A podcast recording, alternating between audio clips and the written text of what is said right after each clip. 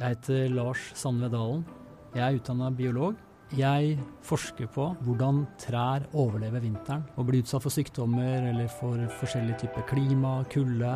Det er kanskje det største utfordringen menneskeheten står overfor. At eh, kloden blir stadig varmere pga. vår hemningsløse forbrenning av eh, olje og gass. Og veldig mye av det jeg bruker i jobben, det er sånn type journalistiske metoder som jeg har lært på Oslo OsloMet. Når jeg begynte på masterstudiet i sakprosa, så var det det å studere hvordan kronikken blir brukt i forskningsformidling. Han som holdt kronikkskriverkursene for oss, han og jeg, vi skal skrive bok om det å skrive kronikk for forskere liksom akkurat passe oppgaver som har vært passe utfordrende, og så veldig god hjelp av veileder. Og så plutselig, ja, så står det her og wow, jeg er jo blitt forfatter, liksom. Eller jeg Dette er jo i studiet.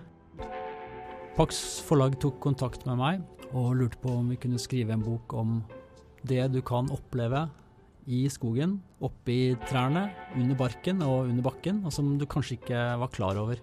Og det har blitt en veldig veldig fin bok, da, med masse flotte bilder og veldig mye interessant eh, veldig mye fascinerende om trærne, om skogen, om livet i skogen.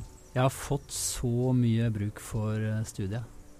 En master i sakprosa skaffer meg større innsikt og mer kunnskap da, om det å formidle. Det å gjøre kanskje vanskelige ting enkelt å forstå. Du får eksterne forelesere som kommer fra største avisen i Norge. Type Aftenposten, Dagens Næringsliv, Dagbladet.